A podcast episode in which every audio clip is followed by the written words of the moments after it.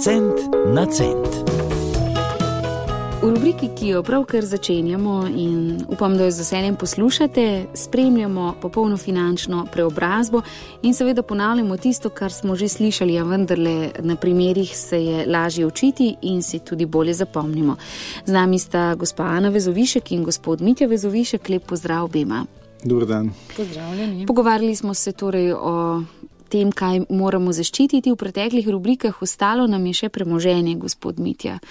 Res je. In tudi na to temo se da marsikaj povedati. Ne? Ja, največkrat pomislimo ne, o zaščiti premoženja, vsi razmišljamo o avtu ali hiši. Ne? In razmišljamo, da se to vam pa ureja, to bo zarojenega agenta, ki mi to uredi. Še sam pokliče in pride. Seveda, ja. um, verjetno ne zato, ker je tako prijazen, ampak zato, ker pač imamo neko provizijo zadnji svetu. Um, ampak premoženje ni samo avto, nepremičnina. Lahko je tudi, ne vem, kup zlata, mm, umetnine. Največkrat pa spregledamo tudi na premoženje, ki ga imamo v naložbah. Uh, pogovarjali smo se o zarovanjih, zelo tipičen primer je, imam naložbeno zavarovanje, um, kje, aha, ne vem, prezavarovalnici X, koliko plačujete, 53 evrov, uh, koliko imate pa zavarovano soto, ne vem, uh, koliko je pa vrednost, ne, ne vem, kdaj ste pa na zadnje pogledali, kam sploh gre več denar, nikoli, uh, kdaj ste pa na zadnje spremenili naložbeno politiko. Ja. A to Kaj moramo, to je? ne, skratka, premoženje moramo zaščititi na dva načina. Sveda.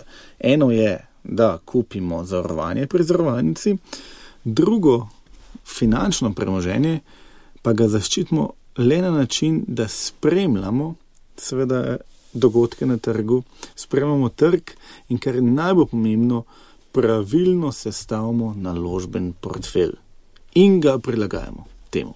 Naj dam konkreten primer. Um, stranka sklenila deset let nazaj naložbeno življenjsko zavarovanje, takrat so bili popularni balkanski skladi. Uh -huh. In ona ima celih deset let vrčuje v balkanskih skladih. In potem pravi, da je to zavarovanje zelo slabo. Ja, ni tako slabo, ne? samo noben ni pogledal, kakšno naložbeno politiko ima noter, kakšen sklad ima zbrana. Ne? Uh, in ne glede na to, kaj se dogaja na trgu, imamo navedno v balkanskih delnicah denar. Zdi se mi, gospod Mitja, vsaj v teh letih, ko se pogovarjamo o tem, pa tudi sama spoznavam uh, to, uh, kar nas poučujete, da je tu najbolj pomembno, da se zavedamo, da se je potrebno res izobraževati na tem področju. So področja, ko sami ne moremo več, ko moramo poiskati pomoč, ampak vendarle tisto čisto osnovno je pa pač nujno, ne? V ja. teh časih, v katerih zdaj živimo, ker so se spremenili in še nismo ja. navajeni na nje. Vedno pravimo, da tudi popolni finančni preobrazbi družinam ne postavljamo tri temelje. Ne. Najprej je znanje, ne, potem je načrt ne, in potem je pomoč. Se pravi, kdo nam bo pri tem pomagal, ne, svetovalec. Ker večina, večina, od, um, večina ljudi tega ne zmore sama, bodi si nima časa, nima znanja ne, in zato rabijo pomoč. Ne.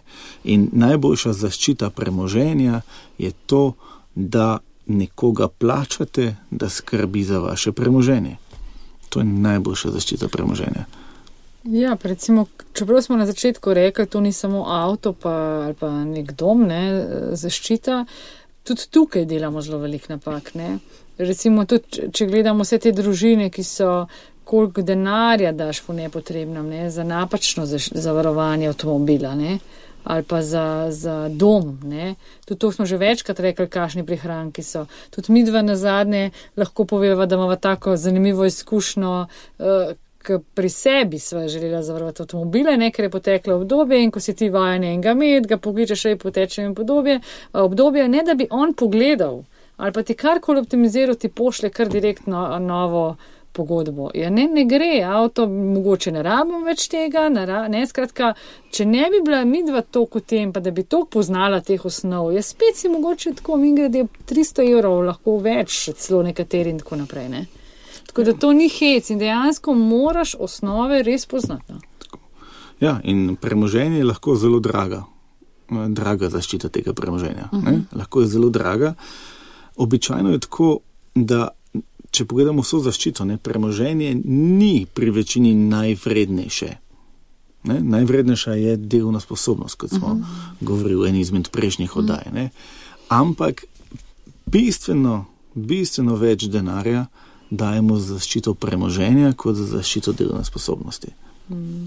Pa še tega premoženja običajno nimamo zaščitenega, ampak prepustimo na milost trgu in nekomu, enemu prodajalcu, bodi si v banki, zavarovalnici, družbi za upravljanje kjerkoli, ali pa tistemu, ki pravi, da je svetovalec, um, da pač uh, nam svetuje, ne? Kot je za njega najboljš, ne za nas.